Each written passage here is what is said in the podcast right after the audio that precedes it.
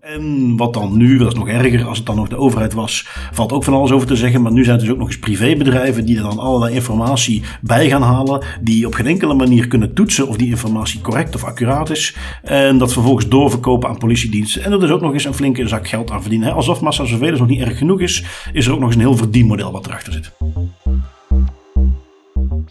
Hallo en welkom bij Das Privé, jouw wekelijkse privacy podcast. Iedere aflevering praten we je bij over het reilen en zeilen in de wereld van privacy, digitale spionage, boetes, datalekken, nieuwe technologie, privacy tools, oftewel alles wat er in een week gebeurt in privacyland. Ik ben Bart van Buitenen en ik bekijk zo meteen met Tim van Haar het privacy nieuws van deze week weer. Maar eerst, wat mag u deze week van ons verwachten? Een professor raadt aan om etniciteit in medische dossiers bij te gaan houden. De media weet eindelijk wat end-to-end encryption betekent. Duitsland gaat zijn eigen soevereine cloud opzetten. Facebook heeft weer een prachtig nieuw product dat we u zeker niet willen onthouden. Een stevig datalek made in Belgium en nog meer nieuws. Naast uiteraard nog een privacyvraag en twee privacy tooltjes. Dus Tim, we gaan weer gewoon over het uur zitten. Daar valt helaas weinig aan te doen. Ja, uiteraard, ja, dat was al uh, volledig in de lijn der verwachtingen. Hè. Ik denk dat ondertussen de standaard is geworden en dat we dat gewoon moeten accepteren. Er is te veel en te leuke dingen. Ja, we beloven dat we er niet te veel overheen gaan, maar inderdaad te veel leuks om over te praten. En uh, we vliegen erin met uh, iets wat mij werd doorgestuurd door Bavo van den Heuvel, die al eens een keer op de, de show is geweest. Die iets had gehoord op de afspraak op de VRT. Dus ben ik even gaan nakijken en ja, dat was toch inderdaad wel interessant. Want wat wil uh, professor huisartsgeneeskunde en lid van de taskforce vaccinatie Jan de Maaseneer gaan doen? Wel, die vindt dat er toch wel heel veel winst te halen zou zijn als uh, elke burger een dossier had, een medisch dossier waar alles in geïntegreerd zit. Uh, Oké, okay, so far so good denk je. Dat principe kennen we ook al wel. Uh, je kunt al gegevens delen met iedereen. Dat bestaat nu onder de geïnformeerde toestemming. Hè. Dat is iets waar iedere burger zelf toestemming voor moet geven voordat dat gebeurt. Um, iets waar je af en toe, als je in ziekenhuis bijvoorbeeld niet oplet, er een klein beetje ingeluisterd wordt. Als je dat niet heel nadrukkelijk navraagt, willen ze dat wel eens gewoon alsnog aanzetten. Dat gezegd zijnde, dat is nog steeds formeel met toestemming. Je kunt ook zelf nog inloggen op een website van uh, mijngezondheid.be. En daar kun je dat zelf ook weer uitzetten als je dat niet uh, wilt, of dat is toch gebeurd. Um, gewoon om als uh, interessant dingetje mee te geven voor de mensen die het nog niet weten. Je kunt daar ook specifiek op niveau van artsen zeggen: ik wil dat die persoon niet in mijn gegevens kan kijken. Altijd interessant. Um, nu goed, uh, dus dat, dat globaal dossier, niks nieuws, kennen we al. Uh, dus so far so good. Maar Jan ging nog even door. Um, die ging namelijk ook vertellen, ja, iets wat ik ook in de context van corona heb geleerd, dat het ook al belangrijk zou zijn om de etniciteit te gaan registreren in, in een medisch dossier. Um, als je het in de show hoort zeggen, dan krijgt hij het eigenlijk ook bijna zijn mond niet uit. Maar zegt hij, ja, een van de doelgroepen naast uh, oudere risicopatiënten, sociaal-economisch kwetsbaren. Uh, ja, dat was toch echt mensen van bepaalde etnische afkomst. Noord-Afrika, Azië, Afrika, dat, dat gaf hij dan toch aan. En ja, dat is dan iets waar hij wel van zei. Ja, dus dat moeten we maar gewoon gaan registreren in het dossier. Um, ja, waar uiteraard absoluut geen corona-specialist hier, maar waar ik dan toch dacht, goh, is dit een typische correlatie-causatie variant? Waarbij je zegt, ja, uh, het is misschien wel zo dat er een verband bestaat tussen mensen van een bepaalde afkomst en, en heftigere besmettingen van corona. Maar dat komt volgens mij niet door die afkomst. Dat zijn dan randfactoren die er toevallig mee samengaan. Um, maar ja, goed, uh, het is iets uh, waar we dan nu toch achter zijn, wat Jan de Maas voor ons geduid heeft. Corona is racistisch. Um, ik zat in die aflevering te kijken. Daar is uh, Bart Peters zat er ook bij. Die kwam natuurlijk voor een heel ander item. Maar die zag ik echt met grote ogen kijken naar die vindt van, dude, meen je dit nou? Um, goed, daar zat er nog wel even bij van, ja, het is niet de bedoeling dat we het ook op de EID-kaart gaan zetten. Het moet dus gewoon bij iedereen even, uh, de afkomst moet even in het globaal medisch dossier komen. Ah ja, oké, okay, ja, maar dat, dat, wat een geweldig idee ook om dan te gaan sussen door te zeggen, ja, maar we gaan het niet op de ID-kaart zetten hoor. Nee, nee, nee, nog niet. Dat doen we binnen tien jaar als we de Hellend vlak weer eens naar boven halen en zeggen, het zou toch wel handig zijn als het daar ook op komt. Los van het zeggen. feit dat het er, ja, voilà, los van het feit dat het daar ook ooit op komt. Het is echt een, een um, Allee, het feit dat hij het zelf al moeilijk over zijn lippen kreeg, bevestigt ook maar eens dat dat een nogal dubieuze gedachte is om ook etniciteit te gaan vermelden in het medisch dossier. En ja, dat, uh, ik denk dat we dat allemaal wel beseffen. Ik kreeg er ook zo wat koude rillingen van toen ik dat hoorde van, oh, that's gonna go wrong real quickly. Dus ja, ja ik zie het toch wel ik, ik heb er niet heb er niet te veel over gelezen. En tegelijkertijd moet je het hem nageven, hij durft het maar te zeggen. Ik zou dat niet durven op nationaal tv, zo'n opmerking Ik ook niet. Um, en, maar goed, tegelijkertijd, ja, waar stopt het dan? Hè? We kunnen ook zeggen, ja, hart- en vaatziekten, ongezond eten is toch iets wat we vaak zien dat dat bij bepaalde sociaal-economische klassen ook gebeurt. Laten we die ook maar gaan registreren. Laten we maar meteen inkomen erin gaan zetten. Laten we meteen uh, DNA-onderzoek gaan doen en dat er ook maar meteen inzetten. Want ja, kan allemaal heel erg nuttig zijn is iets dus waar ik maar van hoop dat dat er toch niet snel van zal komen. Want uh, ja, het is de klassieker hè, van ja, er is een heel groot verschil tussen wat eventueel nuttig is en uh, wat dan ook acceptabel is om dat op die manier allemaal te gaan registreren in een medisch dossier.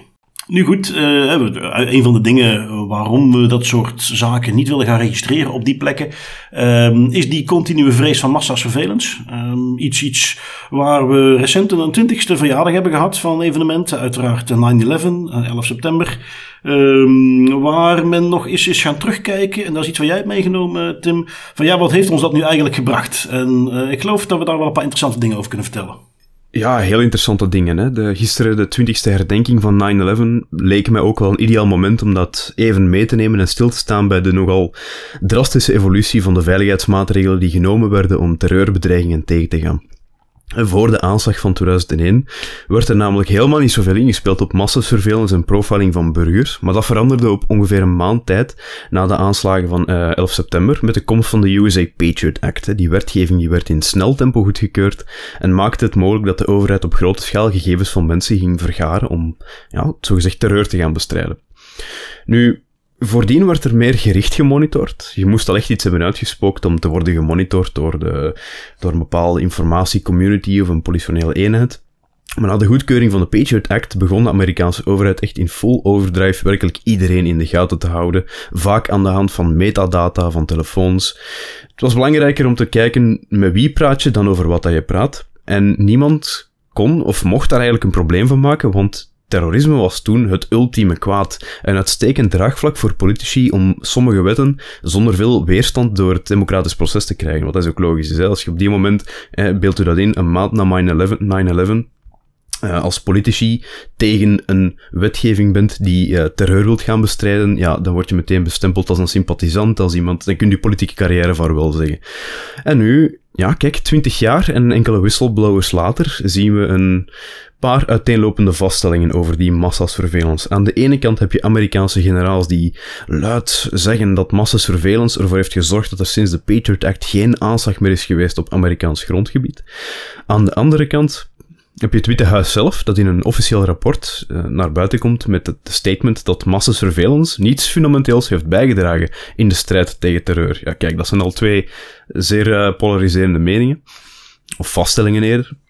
En dat is, vind ik, overal, niet alleen bij 9-11, maar ook nu nog altijd, een belangrijke vraag die we moeten durven stellen wanneer men de grenzen van privacy opzoekt onder het mom van veiligheid en de bestrijding van een of ander ultiem kwaad. We hebben het al zo vaak meegenomen in deze podcast. De ene keer is het strijd tegen terreur, de andere keer is het strijd tegen pedofilie en kindermisbruikmateriaal of drugs.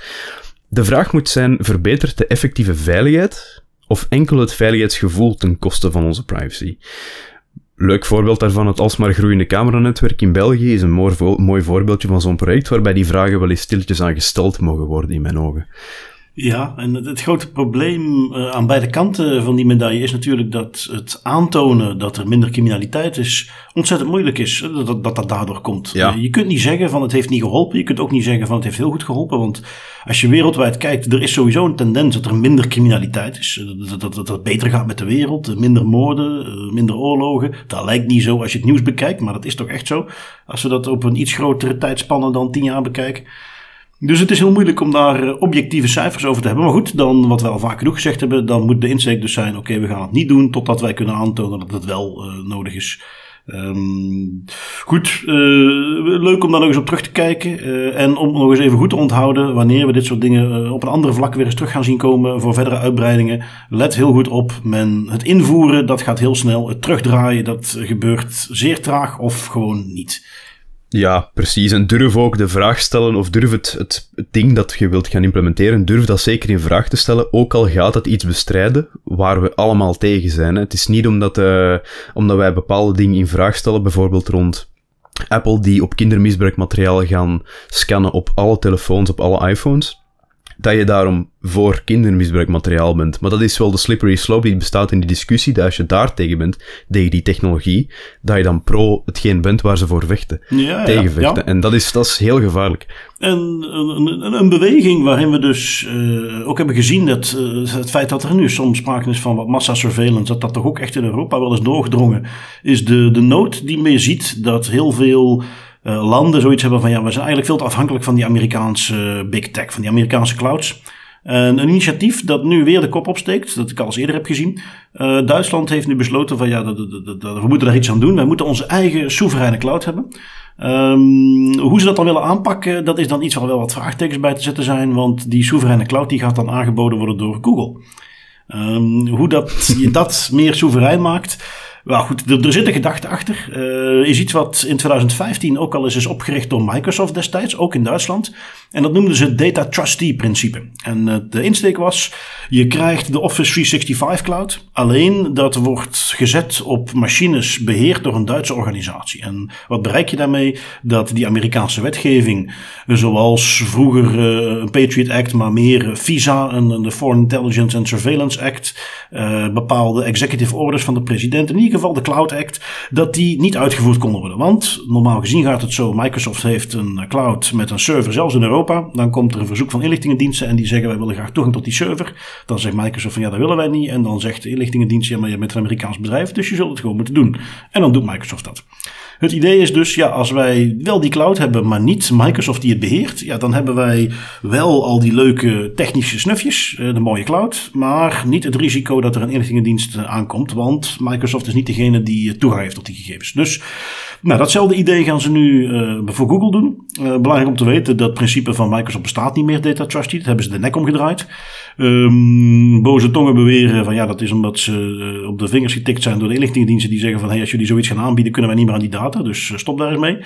Uh, misschien wat meer bij de realiteit is het idee dat het gewoon niet opbracht. Hè, dat het niet genoeg opbracht voor Microsoft op die manier. Dus dat ze daar de nek om gedraaid hebben. Een combinatie van beide, wie zal het zeggen. In ieder geval bestaat niet meer. Maar nu gaan ze dus hetzelfde doen met Google. Uh, hetzelfde principe. in dit geval is het Deutsche Telekom die dan die systemen moet gaan beheren. En ja, dan, dan zou je dus een, een soevereine cloud moeten hebben. Waarbij ik ja, eigenlijk er met mijn hoofd niet bij kan waarom ze dat niet gewoon zelf gaan doen. Waarom daar iedere keer weer zo'n Amerikaanse partner bij moet zitten. Ik, zeker Duitsland, dat moet toch kunnen. Ja, dat zou ik inderdaad ook denken. Dat was mijn allereerste reactie ook toen ik het nieuws hierover zag. Die Sovereign Cloud, wat dat op zich klinkt heel mooi, klinkt heel leuk. Dat als je dan weer al die Google ziet voorbij komen en denkt, nee jongens, come on.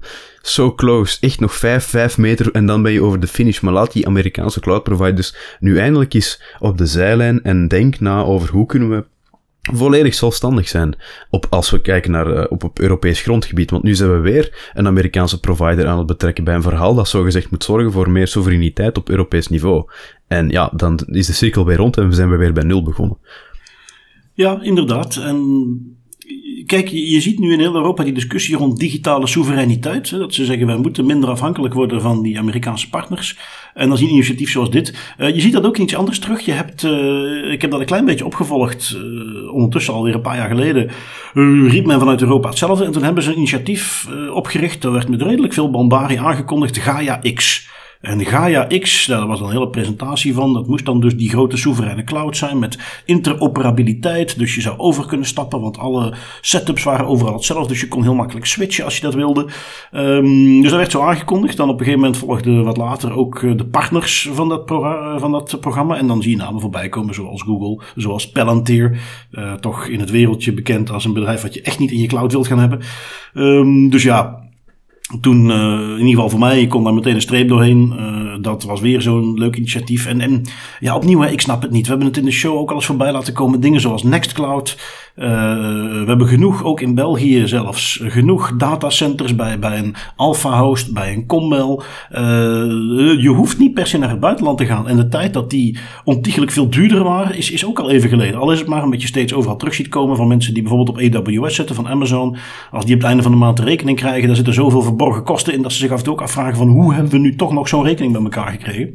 Enfin, dat terzijde. interessant om eens te weten. Aan de ene kant bestaat heel erg die beweging om dus van die big tech minder afhankelijk te zijn. Die, digitale soevereiniteit. En tegelijkertijd, de initiatieven die we nu zien, zijn nu niet echt om over naar huis te schrijven. Um, en, en hopelijk gaat dat, ja, gaan ze daar toch iets, iets significanters in doen. Echt van eigen Europese bodem. Iets waar ik toch ook wel fan van zou zijn. Um, goed, we gaan even door met, ja, hoe kan het ook anders, nog een artikeltje van security.nl. Uh, vanuit de EU die met een nieuwe standaard komt. En uh, ja, jij hebt hem bekeken, Tim. Wat voor standaard gaan we krijgen? Ja, het is een standaard en testspecificatie voor, specifiek ontwikkeld voor IoT.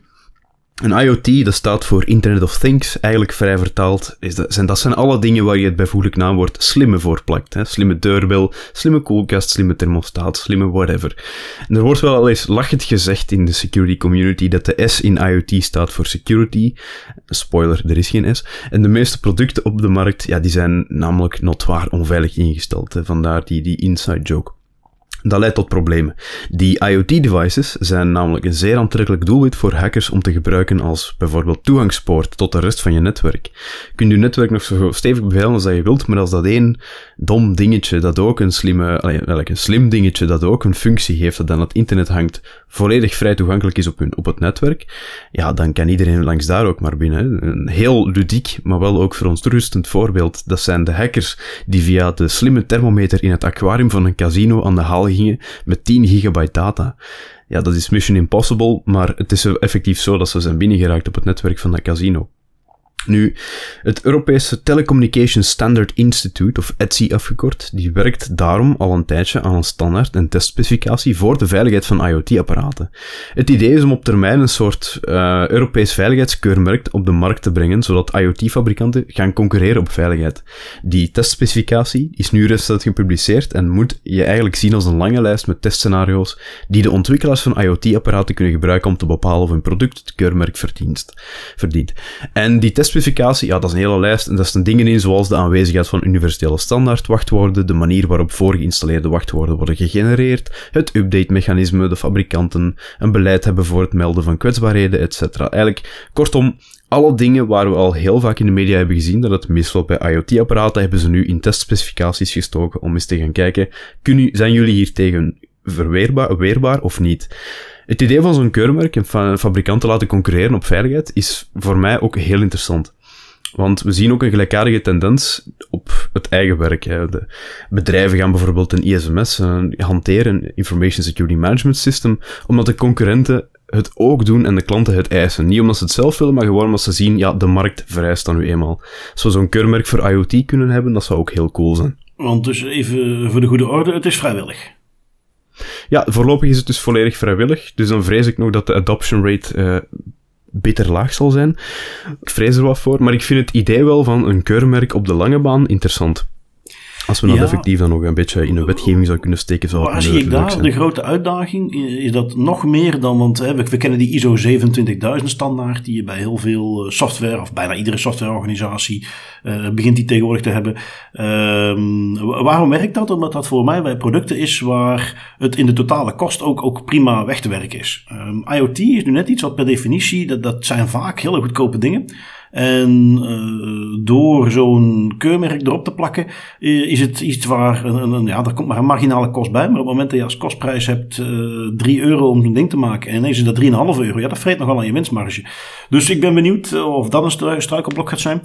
Um, ja, daarnaast zoiets. Um, ja, kijk, ook zo'n ISO 27000, dat is vooral omdat inderdaad klanten dat eisen. Maar IoT zie je vaak dat de klanten is consumenten. En consumenten ik zou graag willen dat dat zo anders was, maar nee, die, die eisen dat niet. Um, nee.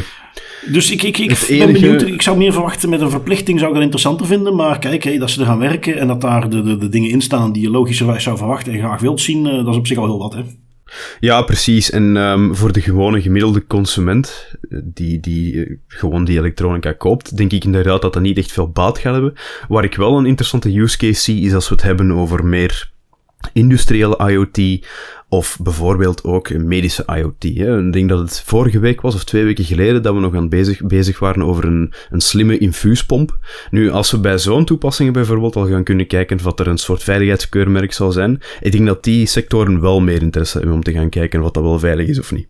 Ja, ja dus uh, eens kijken wat er van die uh, standaard komt. Um, dan hebben we nu wat dingen die voorbij komen. Ik heb hem van Ars Technica, maar niet veel later was het op heel veel plekken terug te vinden. Leek het alsof de media eindelijk snapte wat end-to-end encryption eigenlijk is. Um, is iets wat je natuurlijk veel hoort. Hè. Signal, WhatsApp gebruiken allemaal end-to-end encryption.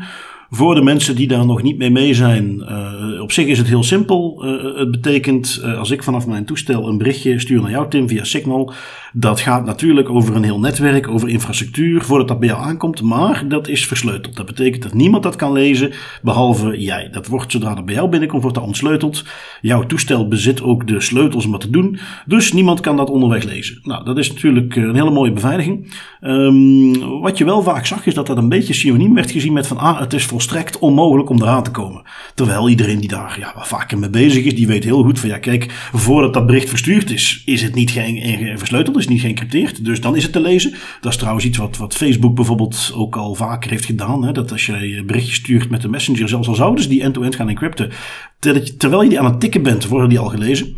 Um, dus voordat die verstuurd worden, uiteraard niet versleuteld. En tegen dat die bij iemand anders op zijn telefoon aankomen, ja, daar zijn ze ook ontsleuteld. Dat is net het hele principe. Je wilt een bericht ook kunnen lezen. Dus uh, ja, het is een hele sterke beveiliging voor onderweg. Maar eigenlijk vanaf voordat het verstuurd wordt en vanaf dat het aangekomen is, biedt end-to-end encryption helemaal geen beveiliging. Uh, jij kunt berichtjes van mij van Signal pakken. Jij kunt daar een screenshot van maken. Je kunt ermee naar de politie gaan als je wilt. Daar kan ik niks tegen doen. Uh, dus vandaar dat ik eigenlijk vond toen die artikel las van, ja, waar, is de heisa over? Goed, ik kende die feature ook niet, uh, maar ik snap eigenlijk niet wat het grote punt nu is. Want wat is het punt? Uh, WhatsApp, en, en dat wordt dan aangekondigd in het artikel van Ars Technica met WhatsApp end-to-end encrypted messages aren't that private after all.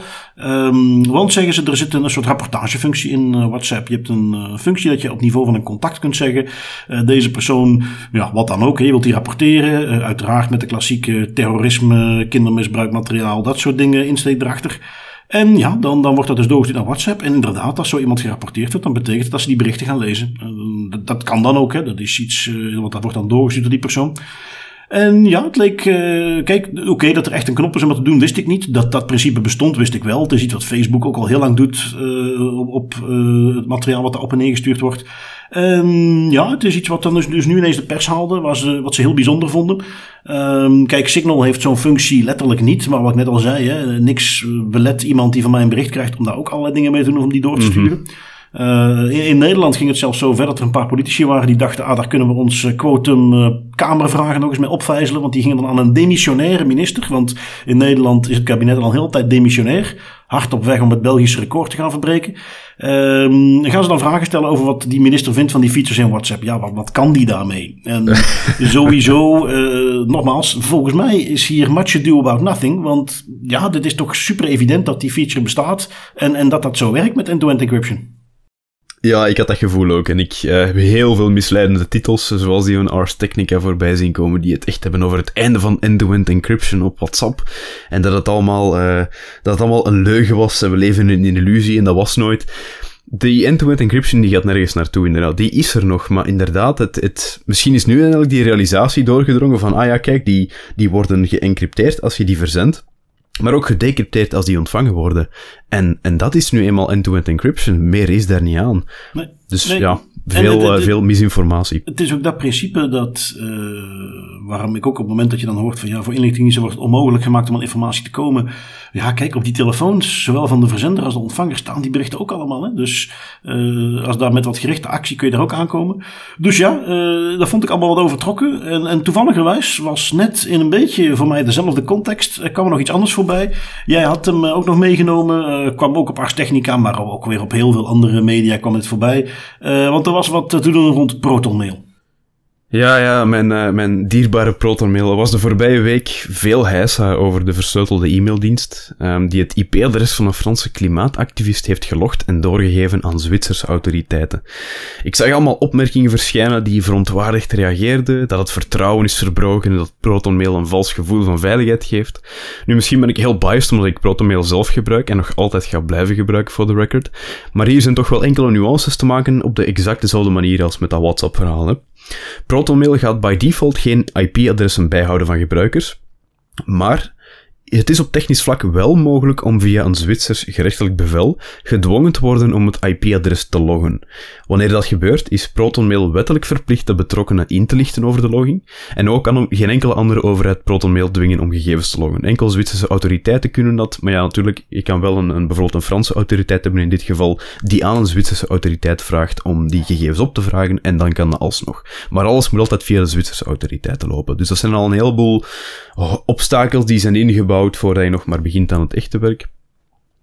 Wat ze dan krijgen is nog altijd een relatief magere vangst, aangezien de e-mails, de inhoud, de attachment en kalender geëncrypteerd zijn en ProtonMail geen technische mogelijkheid, heeft om die zaken te achterhalen.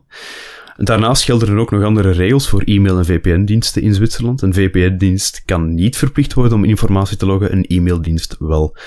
Long story short hier eigenlijk, er is weinig dat ProtonMail nog meer kon doen om dit tegen te houden. Waar mogelijk doen ze altijd al de moeite om een gerechtelijk bevel aan te vechten. Dat deden ze in 2020 al voor 700 requests. Maar in dit geval was het om de een of andere reden niet mogelijk om dat aan te vechten. En ja, kijk, dat is een Zwitsers bedrijf. Die zitten in Zwitserland. Als de Zwitserse, Zwitserse autoriteiten aan gaan kloppen met een gerechtelijk bevel, is er weinig anders dat zij kunnen doen. En ik heb heel veel mensen gezien die precies de verwachting hadden van ja, ze hadden beter hun service in de fik gestoken en naar de Alpen gaan vluchten. Nee, zo werkt het natuurlijk ook niet. Ik vind de Heisa vooral opnieuw ongeïnformeerd. Ook ProtonMail moet zich aan die wet houden en kan niet zomaar tegen een gerechtelijk bevel ingaan. Ja, uh, en want wat dat betreft, ja, kijk, het is een bedrijf, hè. Uh, en een bedrijf heeft nu eenmaal bepaalde wetten waar ze zich aan moeten houden. Eén dingetje wat nog, wat nog extra telde, maar waar voor mij precies hetzelfde geldt. Je zei, ProtonMail moet dan de betrokkenen informeren als dat gebeurt. Maar ze hebben de mogelijkheid om die melding uit te stellen. En in dit geval hebben ze die melding kennelijk acht maanden uitgesteld. Uh, niet omdat ze dat zelf zo leuk vonden, maar ongetwijfeld omdat dat in dat gerechtelijk bevel stond. En, en ja, goed, dat is natuurlijk ook de evidentie zelf. Ja, graag eventjes een uh, log van alle IP's gaan doen. Uh, dan kunnen we die in de gaten houden. En ja, vertel het hem gerust, toch? geen probleem. Ja, nee, natuurlijk niet. Dus, ehm, en, en ja, wat verwacht je ook? op het moment dat je een dienst wil die ook voor dat soort dingen niet vatbaar is, dan moet je een stel activisten hebben die een kabeltje trekken ergens diep in de Alpen, daar in een grotje wat servers op zetten. En ja, dan eh, zijn die eh, praktisch onschendbaar. Ik bedoel, een knappe jongen die dat gaat vinden. En dan kun je het ervoor gebruiken. Waar ik zo'n dienst voor gebruik, is dat ik niet wil dat al mijn communicatie by default ergens in een massa surveillance verloopt. Precies. Um, maar ja. uh, ben ik een stoute jongen, komen ze daarachter en gaan ze met een gericht, gerechtelijk bevel, waar een rechter toezicht op heeft gehouden, waar een rechter heeft getoetst, is dit proportioneel? En die zegt, ja, dit, uh, deze gebruiker, daar mag het IP van gaan loggen en andere metadata. Ja, dan heb ik daar geen enkele moeite mee. En uh, ben ik dan crimineel en, en ben ik daar dingen mee aan het doen waar het eigenlijk niet zo fijn zijn als ze dat doen? Ja, dan zal ik me maar gewoon beter moeten beveiligen. Daar zijn ook opties genoeg voor. Uh, laten we wel zijn, een IP dat gelogd wordt is ook weer niet de meest krachtige surveillance maatregel. Daar zijn manieren omheen. Dus uh, al is het maar dat je de VPN van Proton zelf gebruikt om je mail te checken. Precies, dat is ook exact wat dat ProtonMail in die communicatie over dit incident echt tot vervelens toe aanhaalt. Van ja, kijk, die klimaatactivist had ook een VPN kunnen gebruiken. Wijzen ook naar hun Tor e-mail gateway, die u volledig anoniem maakt. Dus er zijn zoveel opties. En het feit dat hem het niet heeft gedaan, wordt nu plotseling allemaal in de schoenen van ProtonMail geschoven, terwijl ze zelf een eigen VPN-product aanbieden. Bijna ironischer kan het niet. Dus ja, het opnieuw heel, ik denk dat heel veel mensen gewoon een gemakkelijk doelwit wilden zoeken en zoiets hadden van, ja, er gebeurt iets met protomail, we vliegen er allemaal op, want dat klinkt goed. Maar eigenlijk niet verder hebben gekeken dan, ja, de eerste paar letters. Nee, en ik, ik denk ook wel dat dit er eentje is met een berg ophef die straks weer overgewaaid is en waar ook niet eh, bang voor ben dat protomail daar uiteindelijk echt heel veel van gaat voelen. Uh, en misschien dan een paar criminelen ineens dachten van, oei, zo werkt dat dus, ja, dan zal ik maar vertrekken bij protomail en daar zullen ze ook niet al te rauw om zijn wellicht. Um, goed, uh, ja, Opnieuw ProtonMail is een voorbeeldje van iets wat je doet om niet in massa surveillance te zitten, maar wat je niet doet om volledig vrijgesteld te zijn van iedere vorm van aansprakelijkheid. Um, een onderzoekje wat ik heb meegenomen. Uh, ik ken de, de, onderzoekers niet, het ILPLAB of het IP of ILPLAB, goed hoe ik het ook moet zeggen, uh, uit Nederland. Um, die hebben een onderzoek gedaan waarbij ze lieten zien hoe weinig we eigenlijk allemaal getrackt worden in onze apps. Nou, uiteraard niet. Uh, het ging erover hoeveel je getrackt wordt in apps. Ze gingen nog eens kijken naar het principe van de SDK. Uh, SDK, Software Development Kit. Hoe moet je dat zien? Je kunt als jij een app bouwt, uh, kun jij daar uh, zelf alles tot op de letter, tot op de, het getalletje gaan programmeren. En je kunt ook zeggen, ja, voor sommige functies vind ik het wel makkelijker als ik dan weer een pakketje van iemand anders kan gebruiken. Die heeft dat ontwikkeld, daar zit van alles in, dat is lekker makkelijk. Uh, of dat nu gaat over het systeem waarmee mails binnengehaald worden, of het systeem waarmee advertenties getoond worden, of er zijn in ieder geval, dat is dat zo'n SDK doet. Je kunt zo'n pakketje in je app stoppen. En je kunt zeggen, oké, dan hoef ik dat zelf niet te ontwikkelen. Ik zorg even dat dat werkt in mijn applicatie. Um, ja, dan ben je er vanaf. Uh, een stukje makkelijker. Dus, dus SDK's hebben voor een aantal dingen e-, echt wel hun nut. Uh, maar je voelt hem al aankomen. Uh, SDK's zorgen er ook voor dat je vervolgens, als je dat gewoon importeert in je app, je zet het erin, dat daar niet goed naar gekeken wordt. En als je als appmaker zelf cookies plaatst of jij doet zelf bepaalde tracking, ja, dan kun je dat aan of uitzetten. Maar als je zo'n SDK erin stopt, uh, zeker als je daar zelf niet naar gaat kijken, ja, dan kan daar van alles in zitten. En ja, mag niemand verbazen, daar zit dus ook van alles in. Uh, ze hebben in dat uh, onderzoek hebben ze gekeken naar 950.000 apps uit de UK en de US Google Play Store. Uh, zagen dat gemiddeld nummer van, van trackers in zo'n SDK was 10. Uh, 90% van de apps die ze onderzochten hadden minstens één tracker erin. En bijna 20% had er meer dan 20 in uh, trackers in de SDK. Um, en dat is dus uh, een, een, app developer die misschien zelfs met de beste bedoelingen zijn app maakt. Niet per se erop uit om gebruikers te tracken, maar die kleine uh, blokjes van andere makers in zijn app stopt, waar dan dus wel een berg trackers in zitten. Ja, gewoon naar algemene awareness toe. Niet omdat ik daar nu heel erg door verrast was. Het is leuk om er wat cijfers op te zien. Het rapport gaat zelf heel diep in, in, in waarom dat, dat soort trackers in je SDK's hebben stout is. Maar ik, daar hoeven we niet verder op in te gaan. Dat is zo, punt. Gaat ook tegen Europese wetgeving in. Dus daar moeten we, hè, de GDPR, moeten we niet al te lang over bomen. Ehm, maar nuttig om te weten, ja, dat, dat is dus hoe dat gebeurt. Hè. Zelfs een, een appmaker met de beste bedoelingen, die integreert zo'n SDK in zijn app, publiceert dat vervolgens en zit toch zijn gebruikers te tracken, zonder dat hij dat misschien uh, van plan was. Ja, ja, zeer interessant. En ook, dat is ook weer iets zo, dat, de privacy-risico's zitten vaak in een klein, klein verscholen hoekje. Hè. Een SDK waar je van denkt van, ja, ik heb dat nu eigenlijk nodig om mijn applicatie te gaan bouwen. Anders dan werkt dat ding niet. En ik heb de beste bedoelingen en ik wil helemaal geen tracking doen. En dan zitten daar toch 20, track, 20 trackers in. Dat is zorgwekkend. Ja. Om, het zo, om het zo licht nog te zeggen. Maar goed, opnieuw, uh, ja, kijk, kijk, meer informatie daarover zou nuttig zijn. Hè. Het is wel eentje waar uh, we dan eens tegenaan kunnen gooien. Thank God for GDPR. Want als het dan gebeurt, dan in ieder geval dan uh, heb je een mogelijkheid om naar autoriteit te stappen. Gaan boetes voor uitgedeeld worden. Um, ja, zolang je de GDPR hebt natuurlijk. Want we hebben de UK. En, en die lijken hard bezig. En we hebben het de vorige keer hebben we het er ook al eens over gehad. Om wat dingen uit de GDPR te gaan slopen. Om hun eigen versie daar wat aan te passen. jij hebt nog eens een voorbeeldje daarvan meegenomen. Van de Register. Ja, ze zijn er rare dingen aan doen in het Verenigd Koninkrijk. Nu ook. Er is een, nieuw, um, een nieuwe raadpleging gelanceerd vanuit de Britse regering. En die raadpleging die stelt eigenlijk de vraag aan de industrie of artikel 22, dat de betrokkenen, wij en mensen, het recht geeft om niet te worden onderworpen aan een uitsluitend op geautomatiseerde verwerking, waaronder profiling gebaseerde beslissing. Uh, of dat dat eigenlijk wel zo nuttig is en of dat we ook niet zonder kunnen. Um, nu, die raadpleging zelf die gaat nog niet zo ver om te suggereren dat dat recht volledig geschrapt moet worden, maar stelt wel voor om het grondig af te zwakken. Zo zou het gebruik van uitsluitend geautomatiseerde beslissingen van AI-systemen moeten worden toegestaan op basis van legitieme belangen of publieke belangen. Ja, ook weer net toevallig de twee rechtsgronden met de grootste grijze zone, waar je het meest over kan ingaan discussiëren. Maar ja, kijk, alleen al het idee dat AI-technologie privacy-technisch en ethisch gezien nog ja, in zijn kinderschoenen staat en we zo wel erg snel in een situatie terechtkomen waarin mensen verplicht kunnen worden om zich te onderwerpen aan de beslissingen die uit een AI komen, dat moet toch al voldoende aangeven dat dit recht afzwakken geen geweldige zaak is voor de Britse burgers en ook niet voor het adequaatheidsbesluit dat momenteel nog geldt tussen de Europese Unie en het Verenigd Koninkrijk. Hè. We dan denken bijvoorbeeld ook nog om dan even mee te geven aan een AI die volledig autonomisch beslist, moet je dat voorstellen bijvoorbeeld dat je naar een bank gaat om een lening te vragen en dat een AI volledig op basis van informatie die jij ingeeft zonder enige menselijke controle gaat beslissen of dat jij wel of geen lening mag krijgen. Of dat je wel ergens binnen mag op basis van je lichaamstemperatuur met een heatcam of zo. Dat soort zaken. Dat is daar is een grondige reden waarom dat, artikel in de GDPR-wetgeving er u in staat dat je het recht hebt om daar niet aan te worden onderworpen. Ja, en, en goed, ik heb uh, dat voorstel ook bekeken. Uh, daar staan nog meer leuke dingen in. Uh, DPO's moeten afgeschaft worden, Data Protection Impact Assessments moeten gesloopt worden. registers moet je niet meer gaan bijhouden. Dus echt hoekstenen van wat dan in de GDPR zogenaamd heet de verantwoordingsplicht. Oftewel, je moet kunnen bewijzen dat je je aan de wet houdt. Die worden daar stelselmatig uitgesloopt. Dan dit weer wat, wat, ja, je ziet dat ze, daar roepen ze heel veel van ja, je moet, we moeten meer vrijheid geven aan innovatie en, en daar gaat dit bij helpen. Um, ja, kijk, hard op weg naar dystopia, hard op weg naar uh, wat men in Amerika nu al heeft. En uh, ik heb daar meteen een voorbeeldje, dus eigenlijk had ik niet eens bewust gedaan, maar dat sluit hier perfect op aan van zo'n voorbeeldje van geautomatiseerde besluitvorming. Want we hebben dat inderdaad in de klassieke contexten van een lening krijgen of, of HR-tools die wel of niet selecteren voor een sollicitatieprocedure op basis van AI. Um, en is er eentje die daar voor mij een beetje bij aansluit. Want een artikel uit, ja, je hebt uh, zowel The Guardian had er aandacht voor als een lokale publicatie, de LA Taco. Uh, klinkt niet meteen het meest diepgaand, maar die had toch wel degelijk een heel leuk artikel over de inzet van tools van, door de politie uh, in, in de context van protesten om sociale media te monitoren. Um, hoe moet je dat voorstellen? Want het, werd nu concreet aangehaald bij protesten, maar het is iets wat, wat door de politie in Los Angeles breed wordt ingezet.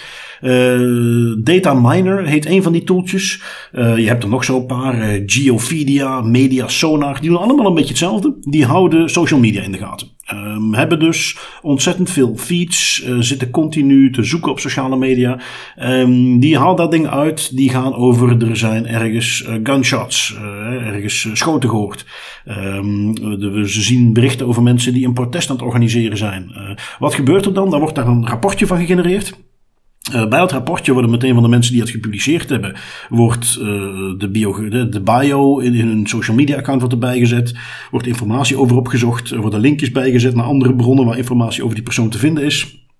En ja, zo wordt er dus eh, al eigenlijk een standaard profieltje opgebouwd. En dan gaat die AI, stuurt dat dan door en die zegt van ja, hier moet je misschien eens aan gaan kijken. En, en dat is dus iets waar, ja, dat gebeurt dan binnen een minuut, binnen een paar minuten komt er dan in de mailbox van eh, de controlekamer komt er een berichtje binnen. En dan wordt op basis daarvan wordt besloten om daar uh, politie op af te sturen of niet. Um, ja, waarom valt dat voor mij in een geautomatiseerde besluitvorming? Omdat ja, ze beslissen op basis van die berichten om daar effectief al mensen heen te sturen. Uh, op dat moment wordt er al geregistreerd. Dus voor je het weet, puur door, dat lijkt me al interessant om daar eens een keer uh, met een hele grote groep eens wat mee te gaan spelen. door bijvoorbeeld als een idioot rapporten te gaan doen net buiten de deur van het politiekantoor. En dan te kijken hoe snel ze daar iemand heen moeten sturen. Omdat de social media rapporten is gaan genereren van ja, kijk, gunshots buiten het politiekantoor. Daar heb ik nog niks van gezien. Lijkt me interessant om dat te gaan doen door een paar activisten. Um, dat gezegd zijnde uh, is dus iets, ja, waar, waar, ja dat, dat, voelt toch ook wel een beetje als surveillance. Is iets waar wij het ook al eens over gehad hebben, uh, waar dat bijvoorbeeld in Nederland door de NCTV gebeurde. Uh, de Nationaal Coördinator Terrorismebestrijding. Dat, dat viel onder een bevoegdheid die ze niet hebben. En dan ben je als een inlichtingendienst ben je eigenlijk mensen aan het volgen. Um, wat ze dan vervolgens ook nog lieten zien, is dat ze dat in LA combineerden bij als mensen dan werden aangesproken tijdens zo'n protest, ook al werden ze niet aangehouden, dat er speciale interviewkaartjes zijn voor de betreffende agenten, waarin ze meteen social media accounts moeten verzamelen, waar ze om het Rijksregisternummer moeten gaan vragen, het BSN. Uh, dat moet dan genoteerd worden en dan kan dat allemaal in de grote database gestopt worden, uh, waarmee mensen ze beter in de gaten kunnen worden gehouden. Dus ja, weer een nieuwe manier om mensen op grote schaal in de gaten te kunnen houden en dus weer een manier om die massasurveillance weer verder uit te bouwen. Ik weet niet. Aan de ene kant denk ik van ja, het is toch maar gewoon social media. Mensen kiezen zelf wat ze erop zetten. En aan de andere kant, op het moment dat er dan zo'n machine achter gezet wordt om dat eruit te gaan halen, daar rapportjes over te maken en dus op die manier mensen weer te profileren, dat voelt toch niet goed. Nee, dat voelt helemaal niet goed. En het is iets dat, je hebt het zelf ook al gezegd, de NCTV, maar ook bijvoorbeeld gewoon Nederlandse gemeenten die op social media burgers gaan volgen met nepaccount. Er zijn veel organisaties die dat een beetje hebben ontdekt, hè, dat volgen van mensen op social media. En ja, er is, er is heel veel discussie over, heel weinig wetgeving, heel weinig, eigenlijk zo goed als geen wettelijk kader over het vergaren van die toch wel publiek beschikbare informatie. Mijn vraag is altijd, ja, het staat op social media, het is publiek, ze weten dat ze het erop zetten, maar het is nooit met de bedoeling om de politie te lokken of om de politie te helpen in hun onderzoek. Dus vind ik ook niet dat het daarom meteen gebruikt moet worden, ook al staat het publiek beschikbaar. Dat is, ja, dat is een stap te ver en dat is um, zorgwekkend als gewoon organisaties, omdat ze denken dat ze het kunnen, het ook maar gaan doen en maar van alles gaan vergaren op social media. En misschien ook gewoon beslissingen maken die helemaal niet relevant zijn voor de situatie, omdat ze maar een eenzijdig beeld krijgen van basis van de informatie die ze op social media vergaren. Ja, ja. En, zoveel dingen waar het fout kan lopen. Hè? Iets waar ik dan, bedoel, dat heb ik niet gelezen dat ze dat doen, maar wat mij helemaal geen stap te ver lijkt. Zelfs al zet je het niet publiek erop. Maar eh, zeker Twitter is daar een mooi voorbeeldje van, want dat wordt ook vaak gebruikt om, om heel kort op de bal dingen te rapporteren. Eh, of om berichten te plaatsen van iets wat aan, aan het gebeuren is. Uh, als jij maar genoeg accounts maakt en jij, jij volgt allerlei mensen, uh, dan kun je ook accounts die dingen afschermen. Alleen voor hun volgers kun je alsnog daarmee binnenkomen. Hè? Dus, en het, het is gewoon weer dat idee, want we zitten nu eenmaal. Ik ben het daar ook niet mee eens. Als ik dingen op Twitter zet of LinkedIn, uh, dat gebruik ik graag, veelvuldig. Maar daar zul je mij niet snel iets over een privé-situatie zien zetten. Precies vanwege dit soort redenen. Hè, de, wat we altijd gezegd hebben, paranoia werkt niet retroactief. Dus ik kijk daar gewoon mee uit. Um, maar feit is dat heel veel mensen dat wel op die manier gebruiken. Die, die zetten daar persoonlijke dingen op. Die zetten daar gewoon de dingen op die ze denken. Uh, die ze met de mensen voor wie ze op dat platform zitten willen delen. Um, dat is nu helemaal niet bedoeld om opgeslurpt te worden door een grote surveillance machine. Uh, en dat is waar. Dat, dat, dat is de grote verandering die we de laatste tien jaar hebben meegemaakt. Waar de technologie er nu is om die dingen inderdaad op die manier grootschalig binnen te zuigen, te analyseren. En wat dan nu, dat is nog erger als het dan nog de overheid was, valt ook van alles over te zeggen. Maar nu zijn het dus ook nog eens privébedrijven die er dan allerlei informatie bij gaan halen. Die op geen enkele manier kunnen toetsen of die informatie correct of accuraat is. En dat vervolgens doorverkopen aan politiediensten. En er dus ook nog eens een flinke zak geld aan verdienen. Alsof massa surveillance nog niet erg genoeg is, is er ook nog eens een heel verdienmodel wat erachter zit. Ja, en dat is, dat is gewoon zorgwekkend. Hè? Dat men die informatie, dat vind ik nog een goed punt ook. Hè? Het feit dat je die informatie gaat verkopen zonder eigenlijk te kunnen verifiëren hoe accuraat het is. Want je haalt dat gewoon van social media. En ja, we weten het allemaal, we hebben ook allemaal eens op social media gezeten. Daar wordt ook enorm veel onzin verspreid. Ja, en kijk, je weet met die desinformatiecampagnes van bijvoorbeeld de Russen, als, als dit helemaal goed doordringt en ze weten, oké, okay, die, oh, ja. die, die politiediensten gebruiken dat, nou, dan kunnen ze daar een fantastische tijd mee hebben. Dus uh, ja, ja, misschien dat dit probleem zich vanzelf oplost um, nu goed, uh, ja, als we dan toch hebben over nieuwe tooltjes die massasurveillance weer in de hand helpen. Um, ja, Facebook, hè. Facebook. Uh, Facebook heeft uh, iets nieuws gepubliceerd. Vorige week zeiden al van ja, die hebben het toch verkorven, dus nu zijn ze er echt voor aan het gaan. Uh, toen het ging over hun AI die weer gigantische fouten maakte. Um, nou ja, dit is dan toch weer de overtreffende trap, moet ik zeggen. want Facebook heeft samen met Ray-Ban hebben ze een nieuw product de markt ingeslingerd, de, de, de Faceban. Zo heet het uiteraard niet. Ik vind dat gewoon een leuke naam. Faceban, dat, dat, dat bekt lekker. En geef machine aan wat dat is.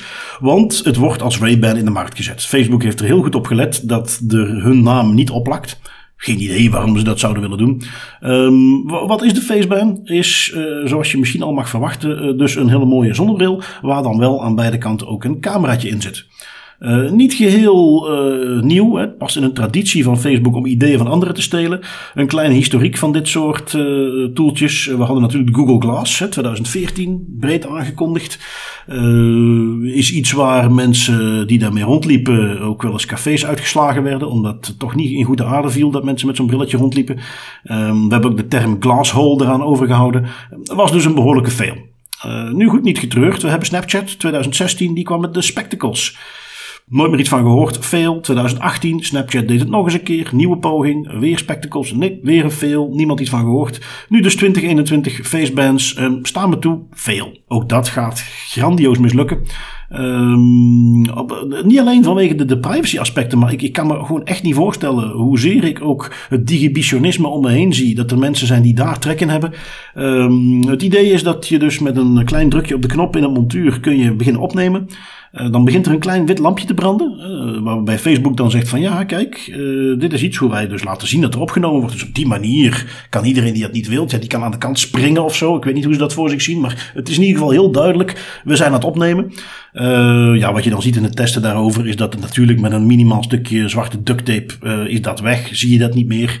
Um, maar, zegt Facebook, daar hebben we ook aan gedacht. wij hebben namelijk in onze terms and conditions opgenomen dat dat niet mag. Ja, it, privacyactivisten. we hebben het hier even helemaal geregeld. Dus je voelt meteen, ja, dat, dat, dat, ik weet niet wie dat bedenkt daar. Uh, maar, zeggen ze, wij hebben dat niet zomaar op de markt gezet. We hebben zelfs een aantal uh, onderzoeken laten verrichten naar de privacy-implicaties ervan. Hè. We hebben een aantal gepubliceerd. Uh, minstens vijf instellingen hebben zo'n rapport gepubliceerd. hoe er goed naakt is over die privacy. Uh, dan is kennelijk iemand, ik zag hem op Twitter voorbij komen, is dan even gaan kijken. Ja, wie zijn die instellingen eigenlijk? Ja, dan zitten daar een heleboel instellingen bij die gefinancierd zijn door uiteraard Facebook. Um, zoals je weet, wiens brood men eet, wiens woord men spreekt. Dus dat kunnen we dan al niet meer serieus nemen.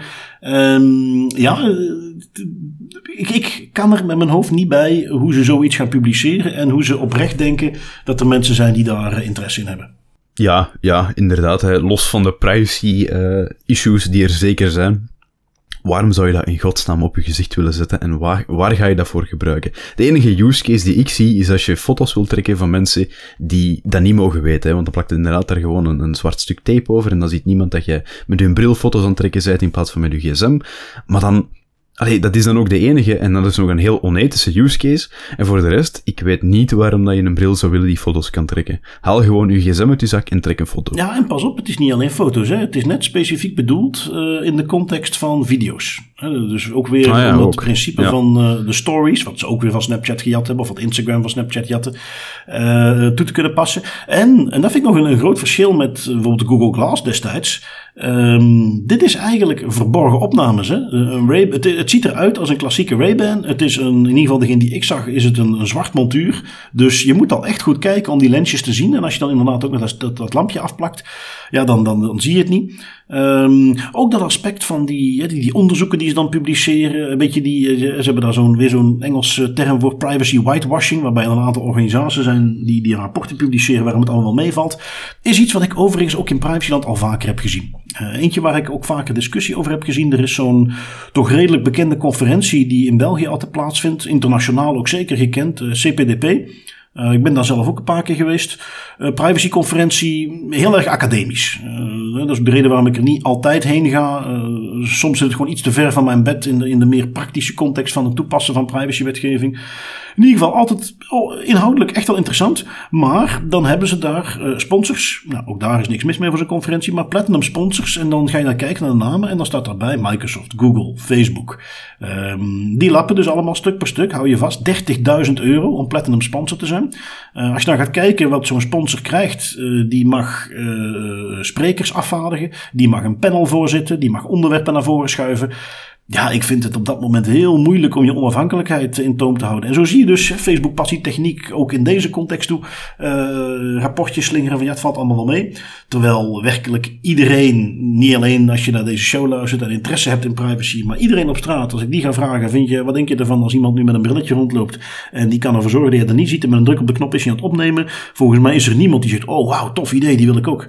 Nee, la laten we hopen dat er niemand is dat dat zegt. Je weet nooit wat er allemaal rondloopt, maar uh, nee, laten we hopen dat dat inderdaad niet het geval is. En ja, die, die privacyconferentie ook. Ik moet meteen denken aan andere campagnes die Facebook naar buiten brengt als ze, als ze weer een of andere technologie dat ze hebben overgenomen voor een ander techbedrijf naar buiten brengen als hun eigen idee. Dat is altijd zo idyllisch voorgesteld, heel utopisch. Het gaat de wereld veranderen, het is goed voor iedereen, er zit niks slechts aan, het is, je moet je nergens zorgen om maken, het is oké. Al met pastelkleurtjes en zo. Dus altijd, altijd hetzelfde verhaal. En dan denk ik van, ja, kom aan, na vijf keer weten we toch allemaal dat dat dikke zever is. Ja, laten we wel zijn, Facebook denkt alleen maar aan Facebook. Alles wat ze doen is om belasting af te kunnen trekken of om goede PR te kunnen doen. Of course. Uh, maar met als einddoel om meer te kunnen groeien.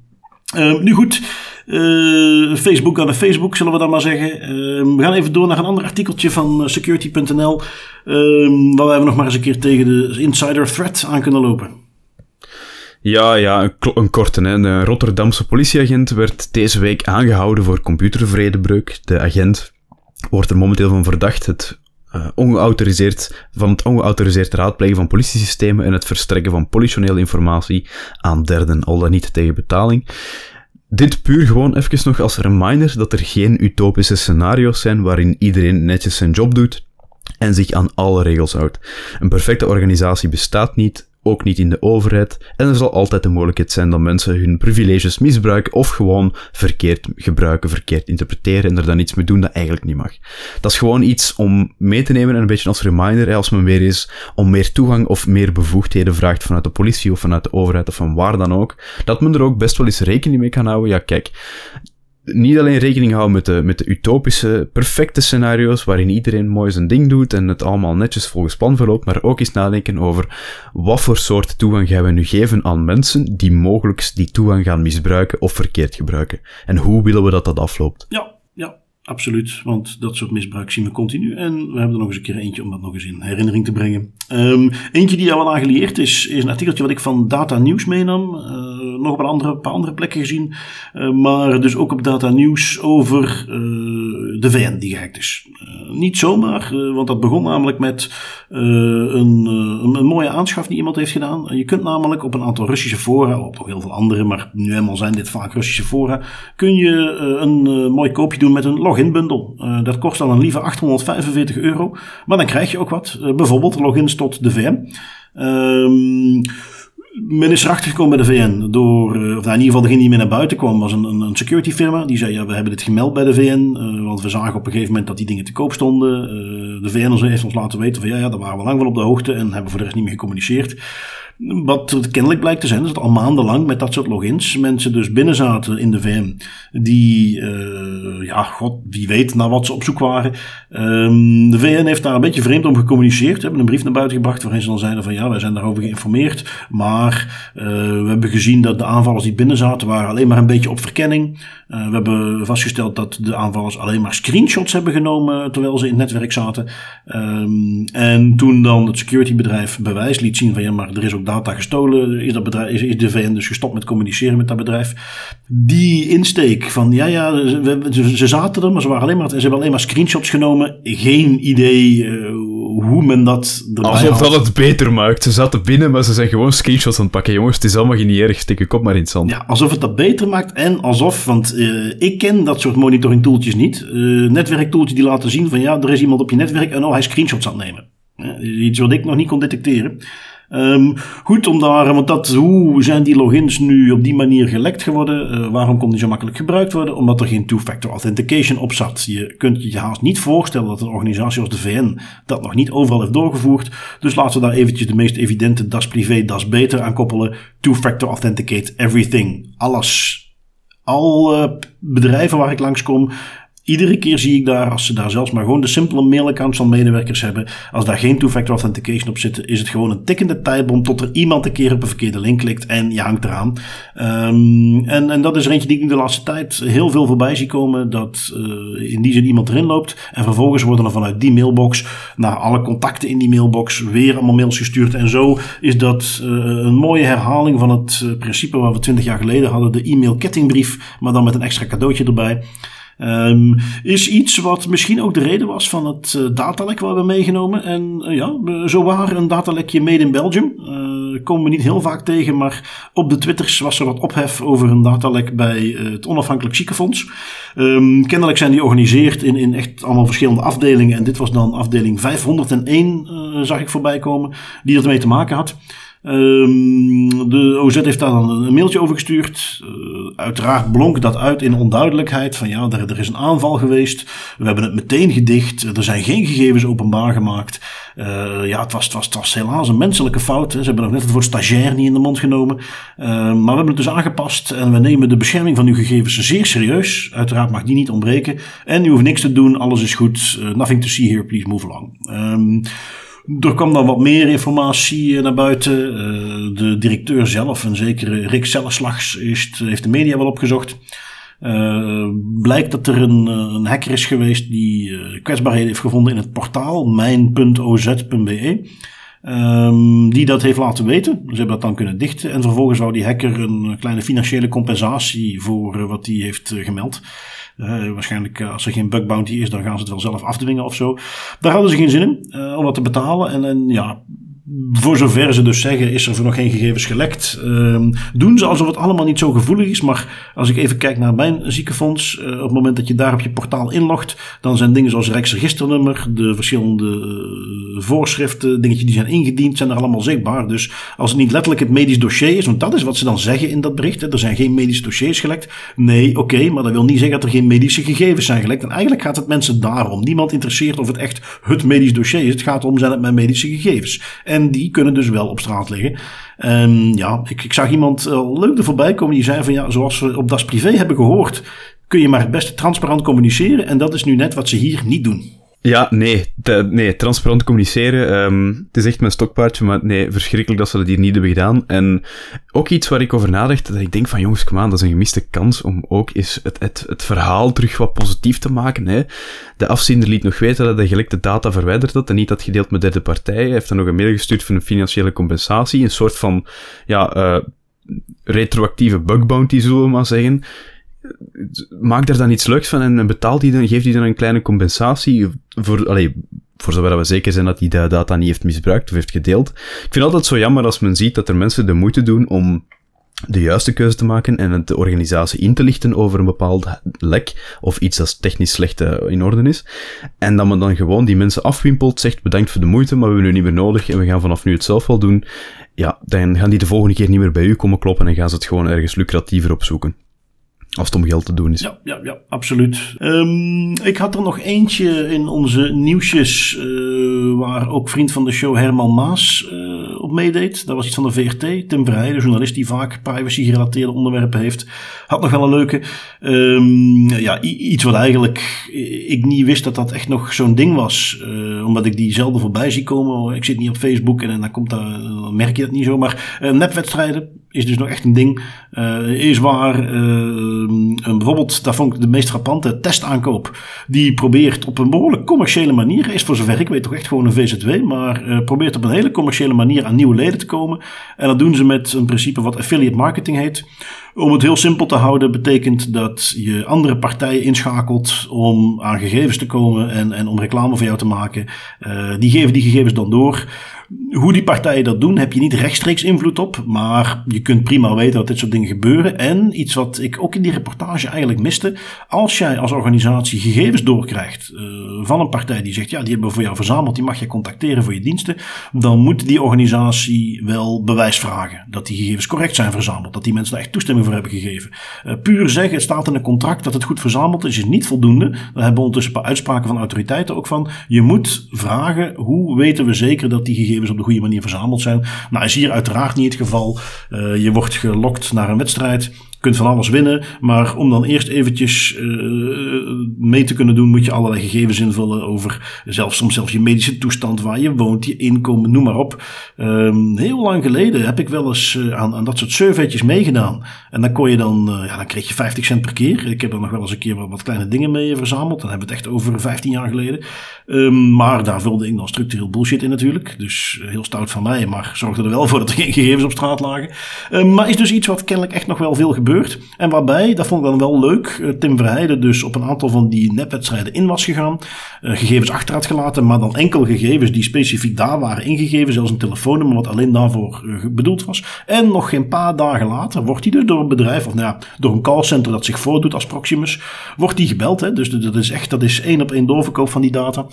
Um, leuke reportage om ook eens even te bekijken. 11 minuten, ik raad hem zeker aan. Staat in de show notes om die even kort te bekijken op de website van de VRT. Gaan wij nog eventjes naar onze autoriteiten? You will respect my authority. Um, ja, daar mag de Spaanse autoriteit niet ontbreken. Uh, deze heb ik meegenomen omdat ik het qua boete vond ik het interessante. Ik heb daar vaak terug zien komen dat, dat uh, bedrijven een afspraak maken met een, een uh, onderaannemer, een verwerker in de GDPR-context. bijvoorbeeld om een callcenter in de arm te nemen of om IT-partner, noem maar op. En een van de dingen die je dan toch echt wel meteen goed wilt afspreken, die nu ook in de wet geregeld is dat dat moet, is hoe gaan we die gegevens terugkrijgen als het contract afloopt? Uh, wat moeten we daarvoor betalen als we moeten betalen? In welk formaat worden die teruggegeven? Dingen die je meteen wilt afspreken. En nu dus een boete door uh, de AIPD, de Spaanse autoriteit, die 100.000 uh, euro boete heeft opgelegd aan een verwerker die die data weigerde terug te geven. Um, ja, een mooi voorbeeldje in waar we ook uh, in de praktijk wat mee kunnen zwaaien. Uh, dat het belangrijk is om dat soort dingen goed af te spreken, maar dat het ook gewoon illegaal is om het te weigeren terug te geven. Um, dan heb jij nog eentje meegenomen uit Italië, dacht ik. Ja, de regio Lombardije die had op haar website de persoonsgegevens gepubliceerd van meer dan 100.000 studenten die overheidsbeurzen of financiële steun hadden aangevraagd voor de aankoop van schoolboeken of ander lesmateriaal. De naam van de aanvrager, de resultaten van de student, de code en naam van de school, alsmede het aanvraagnummer waren voor iedereen in een nette lijst te raadplegen en te downloaden gewoon en plein publiek beschikbaar. De garant die stelde natuurlijk meteen terecht dat de gegevens van personen die een aanvraag voor economische voordelen indienen op een speciale manier moeten worden beschermd, om te voorkomen dat de economische en sociale problemen van de betrokkenen uitgebuit worden en aan het licht komen. Kleine boete van 200.000 euro als resultaat en ik hoop dat de Italiaanse regio Lombardije nu eigenlijk ook wel eens beseft dat het echt niet kan om zo'n lijst en zomaar publiek downloaden, dat te laten downloaden en raadpleegbaar te maken. Ik snap niet zo goed wat dat hier de use case was, waarom dat ze dat wouden doen. En hopelijk hebben ze hier een lesje nu uitgeleerd. Ja, uh, toch iets wat met een beetje default beveiligingsmaatregelen, uh, om de meest evidente maar even te noemen, zoiets moet achter een login zitten. Uh, of toch in ieder geval niet op een publiek raadpleegbare lijst die gewoon op de website staat. Dus nou, voor een stevige boete 200.000 euro lijkt me wel gepast. Um, ik heb één privacyvraag binnengekregen die we nog even meenemen. Uh, komt van Davy. Uh, gaf aan een avondschool waar ik in 2015 een opleiding volgde, mailde me hun nieuwe opleidingsagenda. Gevraagd waarom ze mijn gegevens nog steeds gebruiken en wat de verwijdertermijn is. Reactie: voor 2018 was er geen wet rond bewaartermijn.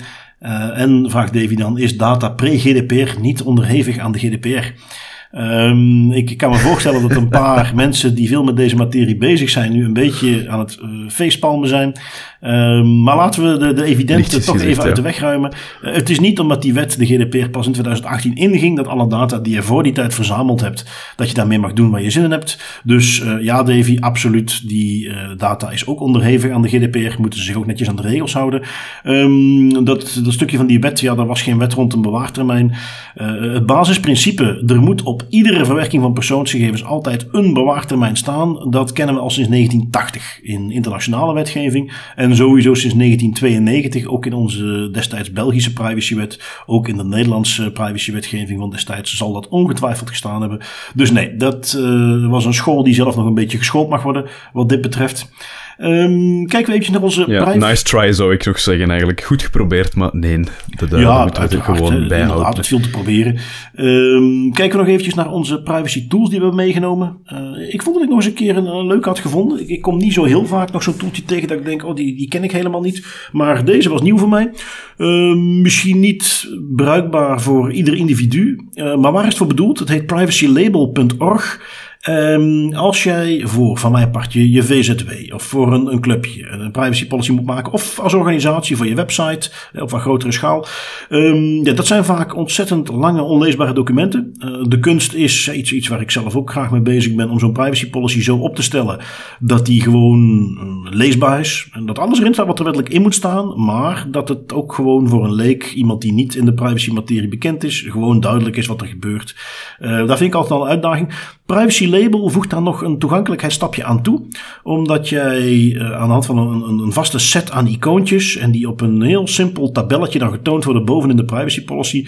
kun je de hoofdlijnen in hun uh, framework invullen. En je gaat naar de website. Ze hebben zelfs een aantal templates die je kunt gebruiken voor evenementen of voor restaurants. Hè, dat je ook daar niet al te veel over na moet denken. En dan vul je gewoon even een aantal dingen in. En dan genereren zij voor jou een heel mooi labeltje wat je in je privacy policy kunt plakken. Uh, wat in een oogopslag een aantal dingen meteen duidelijk maakt. Dus vind ik een heel leuk toeltje. Is ook iets wat ik zeker zelf ook ga gebruiken. En die wilde ik even meenemen. privacylabel.org. Wat heb jij bij Tim? Ja, ja, ik heb Rustdesk meegenomen. Dat is een open source TeamViewer alternatief. Dat is een handige remote desktop software die je kan gebruiken om de volledige controle over je data te behouden wanneer je zegt ik wil toch remote desktop gaan, gaan enablen. De meerwaarde van die software in mijn ogen zit hem vooral in de vrijheid om zelf je eigen relay server voor desktop sharing te gaan hosten en te gaan configureren naar wens. Het is daardoor ook wel iets meer gericht naar bedrijven die al wat verder staan in hun security maturity verhaal. Maar ik vond het wel een hele cool. En ik vond die van u trouwens ook heel cool. Ik was stik jaloers dat jij die al had gevonden want privacy labels, oh, ik vind dat zo'n cool ding. Dat is zo mooi en informatief. Ja, ja. Really nicely done. Uh, en voor degene die jij hebt meegenomen, uh, voor mij op zich zelfs interessant voor ook organisaties die ook niet heel erg ver staan. Iedere IT-organisatie kan er iets mee. Wat is het interessantste in versus, uh, versus TeamViewer? Ik weet niet zeker of TeamViewer closed of open source is, maar dit is dus open source, dat is al een belangrijke.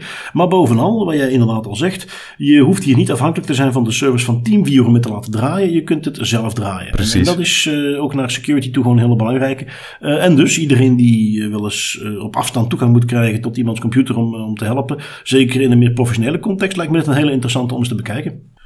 Nou, Dan hebben we dat nog heel netjes gedaan, vind ik, eh, Tim. Ik vond het een hele leuke aflevering. Ik hoop dat onze luisteraars dat ook vinden. Uh, aarzel niet om ons ooit reacties te sturen. Laat de privacyvragen ook mm -hmm. zeker komen. Of andere tooltips die je hebt. En dan dank ik jullie om weer te luisteren. En Tim, ik bedank jou weer om daar met mij een uh, uurtje lekker over te praten. Altijd met veel plezier, dat weet je Bart. Tot volgende week. Ja, tot volgende week.